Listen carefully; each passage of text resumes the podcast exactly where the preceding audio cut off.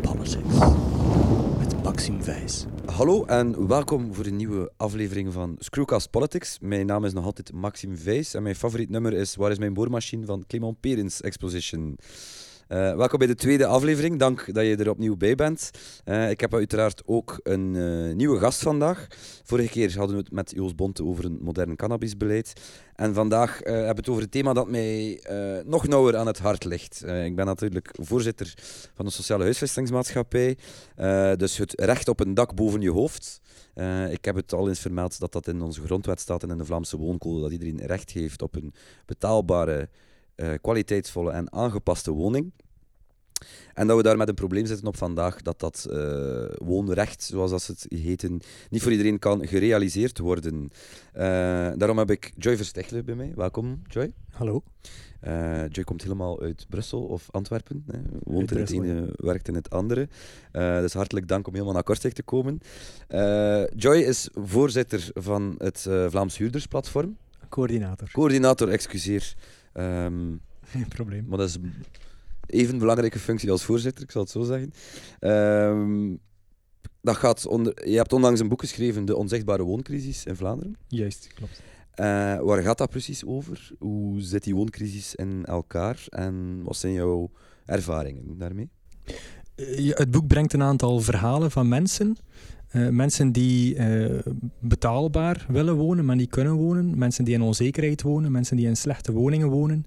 En dan worden daar eigenlijk ja, de, de, de, harde wetenschappelijke cijfers aangekoppeld. Van, is dat hier een individueel verhaal of zitten we hier echt met een, een groot maatschappelijk probleem? Um, en dan proberen we ook een aantal oplossingen voor te stellen.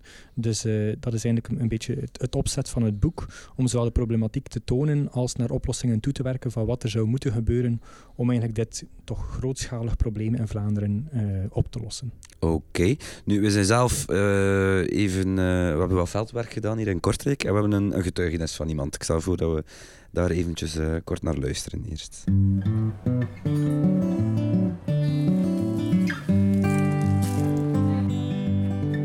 Uh, ik ben Nathalie, ik ben 42 jaar, ik kom uit Kortrijk, ik ben alleenstaande mama van een zoontje Ilias. Um, wij woonden in Kortrijk in een slechte studio. Mijn woning mag uh, 15 strafpunten hebben, maar na onderzoek van Wonen Vlaanderen had mijn studio er 92 strafpunten. En die was dus on onbewoonbaar verklaard. Daardoor was Ilias ook ziek, aan zijn longen nog steeds nu. Dan hebben we samen, in samenspraak met kind en gezin een andere woning gezocht voor de gezondheid van Ilias. Dan heb ik één gevonden in Lendelede, een appartement, een ander appartement. Uh, die woning was zeer goed, maar zeer afgelegen doordat ik alles met openbaar vervoer doe. En daardoor begon de isolatie voor mij, dat ik mij afsloot, dat ik angstaanvallen kreeg. Oké, dankjewel uh, Nathalie, die ongetwijfeld meeluistert voor uh, jouw getuigenis. Uh, Joy, we hebben net Nathalie gehoord, die, die eventjes haar, haar situatie toelichtte. is dit een, een herkenbaar verhaal voor jou? En wat betekent woonzekerheid vanuit, vanuit de benadering die jij in jouw boek hebt aan de dag gelegd? Ja, ik denk dat het belangrijk is om, om te kijken welke plaats dat, dat wonen heeft in iemand zijn leven. En dan vergelijk ik het graag met een, een zekeringskast, hè, waarbij dat het recht op wonen, die woonst, eigenlijk de hoofdschakelaar is. Als die uitvalt, als die woonst onzeker wordt, als je slecht moet wonen, als je niet betaalbaar woont of geen dak boven je hoofd hebt, dan kan je ook al de rest niet doen. Dan ga je zeer moeilijk uh, aan de slag kunnen. Uh, dan ga je problemen hebben met de gezondheid, zoals dat we net gehoord hebben. Uh, dan is het moeilijk om, om plek te vinden voor je kinderen om hun huiswerk te maken mm -hmm. die oké okay is. Dus eigenlijk is alles verbonden aan dat wonen. Als dat niet in orde is, dan is het moeilijk om de rest van je leven verder uit te bouwen en ook je andere rechten op te nemen. Um, dus in, in die optiek, uh, als ik het heb over die woonzekerheid, dan is het ook het gevoel hebben en, en er kunnen van uitgaan dat je een, een betaalbaar kwaliteitsvol dak boven je hoofd hebt, waar dat je ook graag uh, verblijft. Ja, nu als we uh, op straat, hè, meestal als mensen, als je, als je vermeldt van ja, mensen die, die problemen hebben om een recht op wonen uh, waar te maken, dan, dan heel veel mensen denken al snel van ja, dat gaat over daklozen. Dat is natuurlijk niet het geval. Over, wie, zijn de mensen die, die, die het slachtoffer zijn van, van die wooncrisis? Kan je daar een profiel van schetsen? Ja, het is zeer breed. Je hebt inderdaad een stuk dak- en thuisloosheid. Dat zijn niet enkel de mensen die in de straat leven, dat zijn ook mensen die bijvoorbeeld ehm, tijdelijk bij, bij mhm. vrienden of familie moeten logeren, hè, wat we eigenlijk niet zo snel zichtbaar zien, maar die mensen hebben wel degelijk een woonprobleem. Maar het is veel breder dan dat. Hè. Eh, we weten eigenlijk uit, uit de onderzoeken, en we zien dat ook aan de verhalen, aan de mensen die bij de huurdersbonden langskomen, uh, zien we bijvoorbeeld dat, dat uh, één op de twee van de private huurwoningen eigenlijk van slechte kwaliteit is en van slechte kwaliteit. Hè. En als we dan nog eens nader gaan bekijken, dan heeft eigenlijk een kwart van alle private huurwoningen, dus 25 procent, 1 op 4, heeft nood aan een zeer grondige renovatie, structurele renovatie. Dus dat betekent dat die woningkwaliteit daar echt, echt ondermaats is, vaak met negatieve gevolgen in zaken gezondheid van de mensen die er, die er moeten wonen. Maar het zit breder dan die woningkwaliteit. Hè. We zien bijvoorbeeld ook naar, naar de betaalbaarheid. Hè. Dat, hè, normaal hanteren we altijd, als je een lening wil sluiten om een woning te kopen, dan wordt er vanuit gegaan, kijk, ja, een derde van uw inkomen mag je daarvoor spenderen. Als we die lijn doortrekken op, op de huurmarkt, dan zien we dat eigenlijk de helft van alle private huurders meer dan dat uh, betaalt. Tegelijkertijd zien we dat één op de drie uh, private huurders na het betalen van zijn huur eigenlijk te weinig overhoudt om nog deftig te kunnen leven. Ja, nu hadden deze week uh, in de kranten verscheen er ook uh, heel wat rond, rond uh, de, de, de, fameuze middenklasse die, die, die, die zwaar belast wordt. maar één iets viel mij daarop in dat onderzoek is dat de, de woonkosten ongelooflijk de hoogte ingaan. Hè. Je ziet bijvoorbeeld voor, voor, transport of mobiliteit dat die wat zakken, mhm. voedsel, idem. Maar wonen, die, die, die, en die stijgen ook structureel. Dus dat is al gedurende jaren dat die continu, continu toenemen. Uh, je vermeldde net het een derde, hè, de, de, de regel die vaak uh, gevolgd wordt. Uh, welk deel van je budget dat je aan wonen zou idealitair moeten en mogen hangen. Um, nu, het beleid van de voorbije jaren, uh, natuurlijk, ik kom op voor, voor SPA, we zaten in de oppositie en we, we waren daar niet onverdeeld gelukkig mee met, met, met wat er gebeurd is. Uh, want de vaststelling die, die wij vooral deden is van één, uh, er wordt een eigenaarsbeleid gevoerd, vooral binnen wonen. En, dat zien we aan de budgetten. Hè. Meer dan 80% gaat daar naartoe. Terwijl dan minder dan 5% van de budgetten naar, naar eh, de private huurmarkt gaan. Zeker. Of naar de ondersteuning van de huurders daar. Um, dus het is zaak voor, voor, voor, voor, ja, voor mij of voor ons, uh, dat komt nu op hetzelfde neer, hè, dat we richting een, een, een, en daar pleit je ook voor in je boek, heb ik gelezen, voor richting een, een eigendomsneutraal woonbeleid te gaan. Mhm. wat, wat, wat dat betekent van, het maakt niet uit of je eigenaar bent of huurder bent, we zorgen dat dat die woonzekerheid gerealiseerd wordt, dat recht op wonen, uh, dat je die, die, die kan hebben is inderdaad een, een, zeer belangrijke. Mhm. Ehm, we hebben gezien dat uh, ja, na de Tweede Wereldoorlog is er eigenlijk uh, vooral een beleid gekomen waarbij dat eigenaarschap ondersteund werd. Hè. Iedereen moest uh, en zou eigenaar worden. Daar is fors in geïnvesteerd. Niet altijd verstandig de manier waarop. Maar daardoor is er ook zeer veel aandacht verloren gegaan en is er eigenlijk nooit een volwaardige sociale huurmarkt ontstaan. En is er ook nooit een volwaardige private huurmarkt gevormd. Hè. Um, dus in die zin is alle aandacht en middelen naar die eigendomsmarkt gegaan en is eigenlijk een beetje de huurmarkt in de kou blijven staan. Nu, na al die jaren, zien we dat toch nog altijd hè, zowat 30% mm van alle mensen in Vlaanderen uh, er niet in slaagt om ondanks al die eigendomsondersteunende maatregelen geen eigendom uh, te verwerven. Dus uh, het, is, het, is, het, is, een illusie dat iedereen eigenaar zou worden. Dus moeten we ook zorgen dat die private huurmarkt degelijk wordt uitgebouwd en dat er een voldoende grote sociale huurmarkt is voor die mensen die geen eigenaar kunnen worden. Het is geen probleem en het is uiteraard ook logisch dat we ervoor zorgen dat mensen ook nog altijd eigenaar kunnen worden. Mhm. Ehm, maar we mogen daardoor niet de private en sociale huurmarkt vergeten. Oké, dat is hier duidelijk. Nu, we zijn het eerder al dat je de coördinator bent van het Vlaams Huurdersplatform. Uh, mensen die hun, hun, recht op wonen niet kunnen realiseren. Hè. Waar kunnen die allemaal terecht? Die kunnen zich bijvoorbeeld inschrijven voor een sociale woning hè, bij, een, bij een sociale huisvestingsmaatschappij of een sociaal verhuurkantoor. Ehm, maar goed, hè, daar weten we, zijn de wachtlijsten ja, enorm. Ik kan er geen, mm. geen ander woord uh, uh, voor vinden.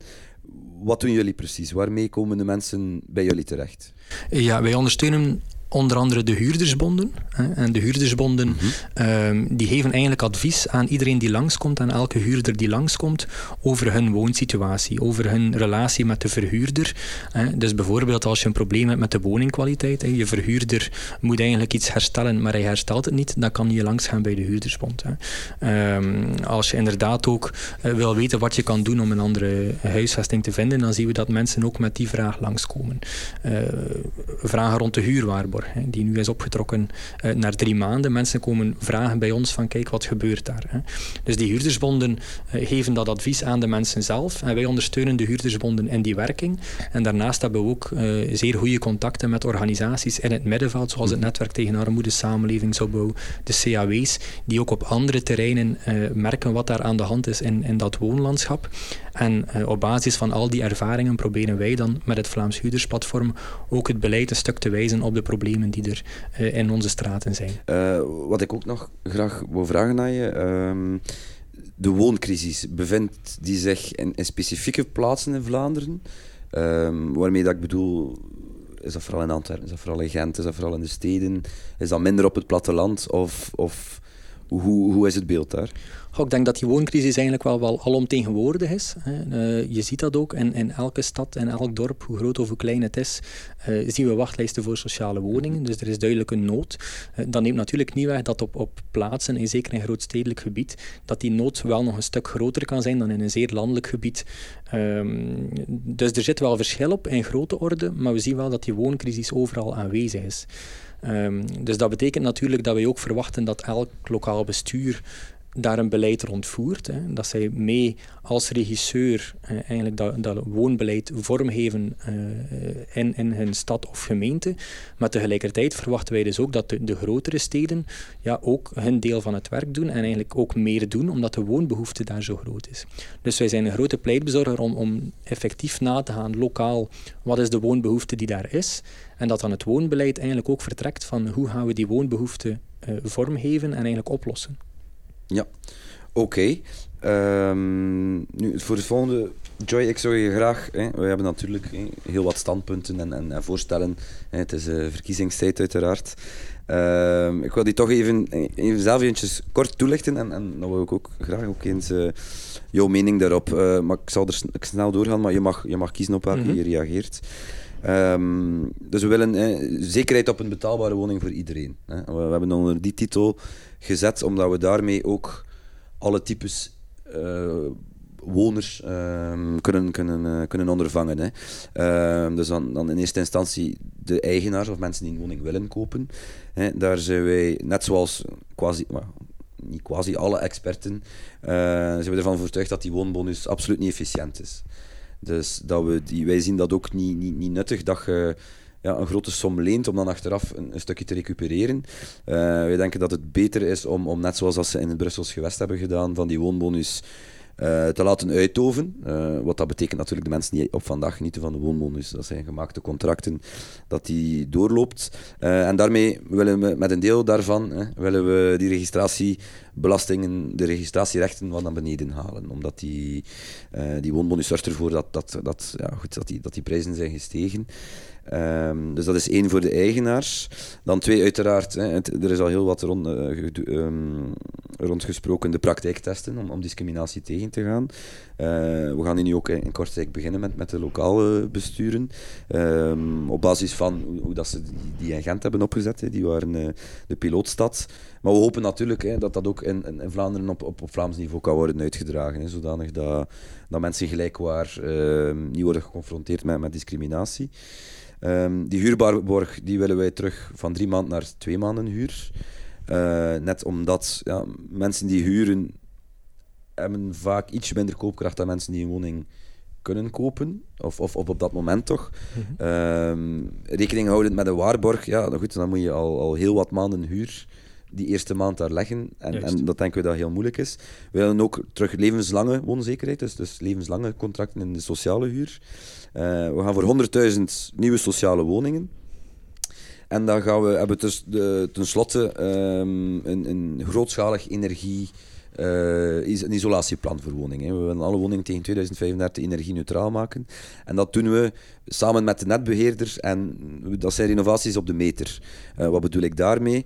Um, dat de koopkracht wordt, die, die, die er vandaag is, wordt gebruikt om die investeringen te doen. Dus stel je betaalt 100 euro per maand aan uh, dus gas om te verwarmen, elektriciteit om, om, om, ja, om te leven. Um, met de, de renovatie-investeringen kom je tot een uitgespaard bedrag, betaal je maar 50 euro meer per maand. Dan gaan wij zeggen van kijk, die 100 euro die, die kan je betalen, want die betaal je op vandaag. Dan nemen we daarvan een deeltje uh, om de lening terug te betalen. Nu in dit voorstel van die 100 euro bespaar je 50. Werken we 40 om de lening terug te betalen en 10 euro is, is meteen bespaard. Dus vanaf de ingang daarvan. Um, binnen die, die, die vijf, zestal maatregelen, zijn er daar van waarvan je zegt van ja, dat, dit komt niet te goede van, van mensen die het nu moeilijk hebben om te huren. Of is er daar nog iets, iets fundamenteels tekort volgens jou? Uh... Goh, ik denk dat er op zich wel, wel uh, een aantal ambitieuze maatregelen zijn. Hè. Ik denk dat we vooral moeten zorgen dat we de budgetten vrijmaken die met die ideeën gepaard gaan. Hè. Um, maar ik stel vast inderdaad dat de toegang hè, is een zeer belangrijk element op die huurmarkt. Um, dat je zoveel mogelijk discriminatie moet, moet tegengaan. En als we dat vandaag zien, dan zien we dat er eigenlijk een soort gedoogbeleid is. Hè. Mm -hmm. um, we zien dat er wel degelijk een, een, een goede wetgeving is die zegt van kijk, discriminatie, dat kan niet. Maar dat er eigenlijk op geen enkele manier voor gecontroleerd wordt. Hè. Dus op die manier blijft het natuurlijk gewoon verder bestaan. Dus Gent heeft daar het initiatief genomen. Nu zijn er andere lokale besturen die in navolging daarvan verder gaan. Dus dat is essentieel om dat eigenlijk nu op Vlaams niveau te gaan uitwerken. Uh, zodanig dat dat, dat, dat uh, één systeem is, één manier van handhaving over Hans Vlaanderen.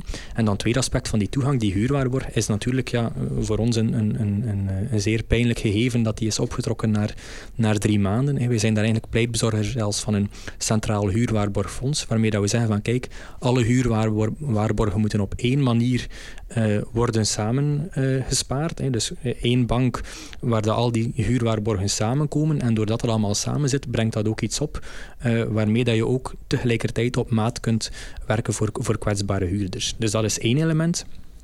Um, als we het hebben over energiekwaliteit, hè, waar, dat, waar dat mhm. jullie ook een, een, een, plan hebben voorgelegd, dan denk ik dat we uh, vooral moeten zorgen ook dat we dat niet loszien van de, de woningkwaliteit zelf. Hè. Ja. We moeten echt, echt wel vermijden dat we energierenovaties gaan uitvoeren in woningen die eigenlijk al met gigantische vochtproblemen zitten en zo verder. En we zien dat dat in het verleden soms gebeurd is. Hè. Als premies of zo niet verstandig worden, um, worden opgesteld, dan zien we dat soort zaken gebeuren.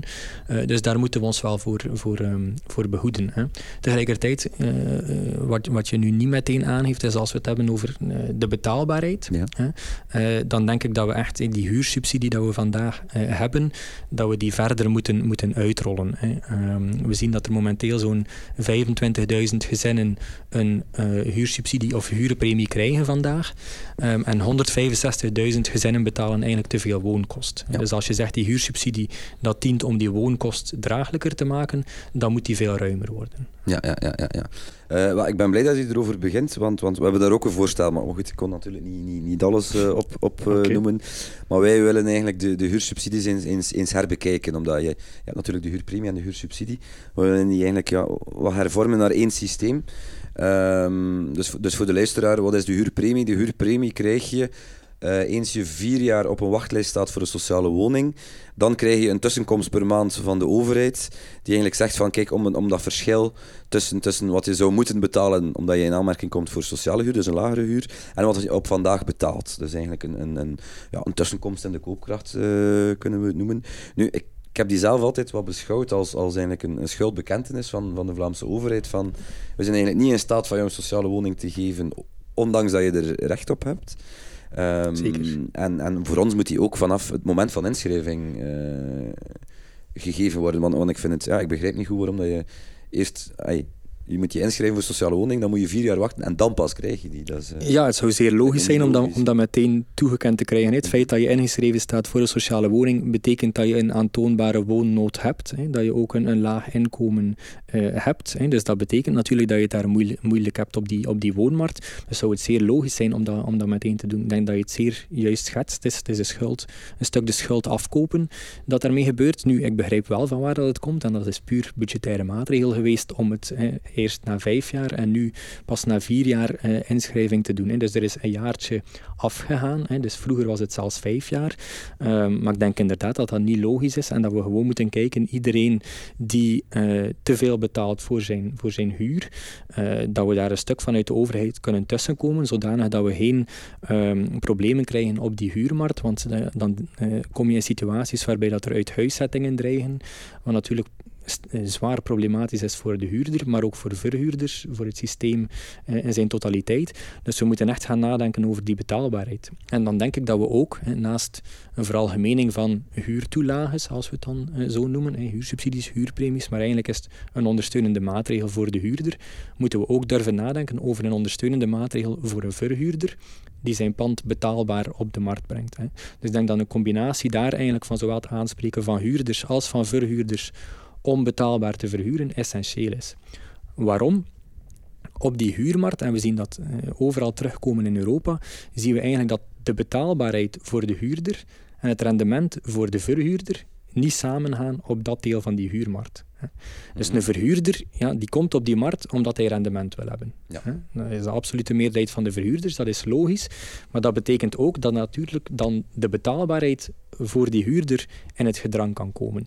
Dus in die zin is, is het eh, de overheid, aan de overheid om dat gat te dichten, waarbij dat er eh, wel een, een, rendement voor de verhuurder is, evenwel beperkt en onder voorwaarden, en dat tegelijkertijd de huurder ook wel uh, in een kwaliteitsvolle woning kan wonen die betaalbaar is. Uh, een belangrijk systeem daarin is de sociale huur. Hè. Maar daarnaast moeten we ook op die private huurmarkt echt een beleid durven voeren rond die betaalbaarheid. Want we weten dat er al die mensen uh, zitten te wachten op een sociale woning. En ondertussen zit, wonen ze vandaag wel op die private huurmarkt. Ja. Um, nog één vraagje. Ook nog één voorstel waar ik nog, nog eens even wou op ingaan. Omdat je daarnet had het over de, de kwaliteit van de woningen. Uh, een van onze voorstellen, dat was het eigenlijk ook al voor de, voor de lokale verkiezingen hier in Kortrijk, hadden wij dat ook ingeschreven. En we zijn van mening dat tegen 2024 dat iedere verhuurde woning een, een conformiteitsattest uh, zou moeten kunnen krijgen. Nu, het enige wat ik me daarbij afvraag, want ik, ik neem aan dat je daar niet meteen tegen bent, no, los van is zeker een goed plan. waaraan een conformiteitsattest allemaal moet voor, uh, voldoen, dan denk ik dat misschien de technische zaken, uh, dat we dat ook een keer moeten een, een update geven, zeg maar. Mm -hmm. maar de vraag die ik bestel. Hè. We hebben um, de gebeurtenis gehad in Antwerpen met de gasoploffing en de woning die eigenlijk uh, ja, gecontroleerd was of niet gecontroleerd was, maar uh, dat, dat dat niet, niet, niet juist verlopen was. Is, is er op vandaag genoeg wooncontrole? En stel dat we zeggen van we gaan die conformiteitsattesten verplichten, kunnen we, die, ay, kunnen we dat allemaal correct controleren, zodat dat, dat, dat we zekerheid hebben over die, die kwaliteit? Ja, dus er zijn al een, aantal lokale besturen, steden en gemeentes die dat effectief doen. Hè. Die uh, zeggen van kijk, elke woning die vanaf nu verhuurd wordt, moet een conformiteitsattest hebben. Hè. Als je dat conformiteitsattest hebt, dat is het attest dat zegt dat die woning eigenlijk voldoende kwaliteitsvol is. Dat is een woningcontroleur die echt in de woning komt kijken Ehm, wat, er zou uh, wat er schort aan de woning of wat er, wat er niet in orde is, wat er wel in orde is. Je noteert dat. We hebben daarnet een getuigenis gehoord die zegt van kijk, dat was meer dan 15 strafpunten. Hè, want je mag er 15 hebben op vandaag. Want dat waren er in de 90, dacht ik. Dus dat toont dat die woning zeer, zeer slecht was van kwaliteit. Dus we hebben daar wel echt een, een objectief instrument om daarmee aan de slag te gaan.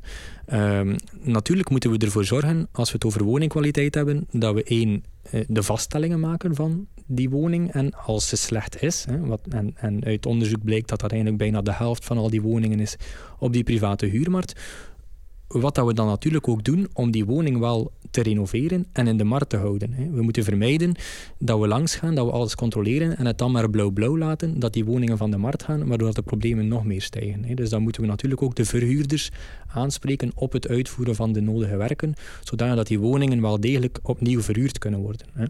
Nu, het is belangrijk dat we dat op voorhand doen, voordat er iemand in woont. Hè. Want nu zien we dat huurders die erin wonen, uh, ja, eh, die woningen worden ongeschikt, worden onbewoonbaar verklaard.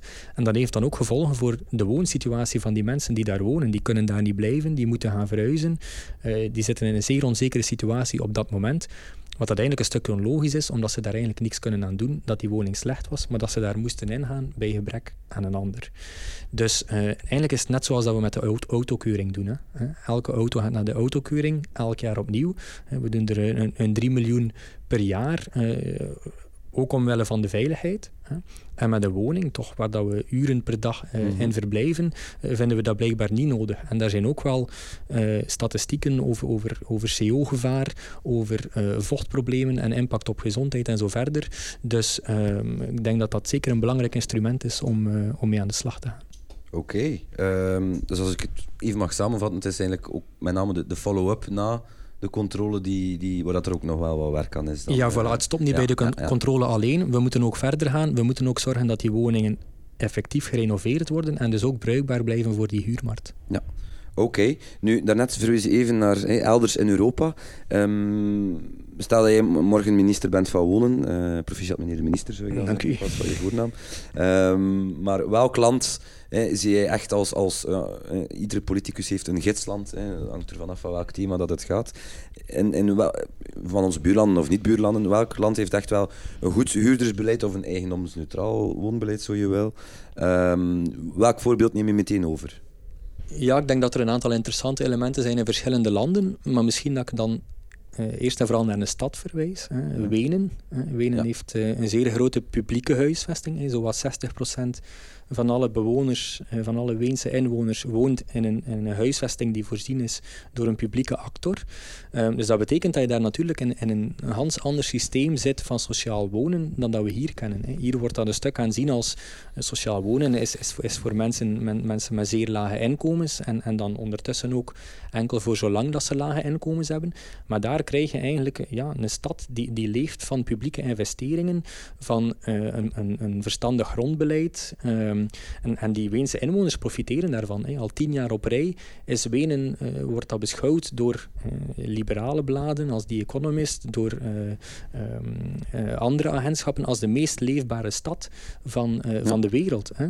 En, en dat is volgens mij ook een stuk dankzij het feit dat de overheid daar op een verstandige manier ook publieke investeringen durft aan te gaan. En dat die mensen daar op die manier ook, ook een voordeel bij hebben. En dat zorgt duidelijk voor een, een samenlevingsmodel dat, dat, dat, uh, ja, um, dat zeer goed werkt uh, in Wenen. Natuurlijk, het is, het, is, het is zodanig anders dan bij ons dat -hmm. dat zijn tijd nodig heeft. Maar ik denk inderdaad dat we, zeker wat betreft sociale huisvesting, dat we dat zodanig moeten gaan opdrijven dat meer mensen daarvoor in aanmerking komen. We hebben dat ook gezien uh, in Nederland bijvoorbeeld. Hè. Uh, waarbij dat je tot 30% uh, sociale huisvesting hebt. Uh, we zien dat daar helaas wel een afbouw uh, bezig is, hè, maar daar zien we dat ook. Gewoon, bijvoorbeeld jonge mensen die studeren, vinden daar ook de plek van waaruit dat ze hun leven kunnen beginnen opbouwen. En dat werkt veel beter dan dat vanuit een, een, een, een krot te doen, bij wijze van spreken, waar dat je je blauw aan betaalt op, op, op de huurmarkt, zoals dat we het hier vandaag kennen. Dus, maar dan is er wel nog veel werk aan de winkel. Ja, oké, okay, maar dat er veel werk is, dat is zeer duidelijk. Maar... Um aller, alvast bedankt voor het gesprek, Joy. Zeer graag. Uh, ik heb zeker uh, nog meer zin gekregen om, om er echt werk van te maken en te gaan voor die, die woonzekerheid voor iedereen. Hè, een betaalbare, kwaliteitsvolle en aangepaste woning. Screwcast Politics. MaximWijs.be uh, Hartelijk dank om te luisteren, ook jij daar in Indonesië, o mysterieuze luisteraar. Uh, goed, volgende keer zijn we er terug opnieuw met een aflevering over wonen. Uh, wie meer info wil, vragen heeft, opmerkingen, tips of echt wel dat boek wil winnen, uh, stuur, je kan me altijd bereiken via de sociale media, dus Facebook, Twitter, Instagram. het is Maxim Vijs met V-E-Y-S. Hartelijk dank. Oké, Joy, nogmaals dank en tot de volgende keer.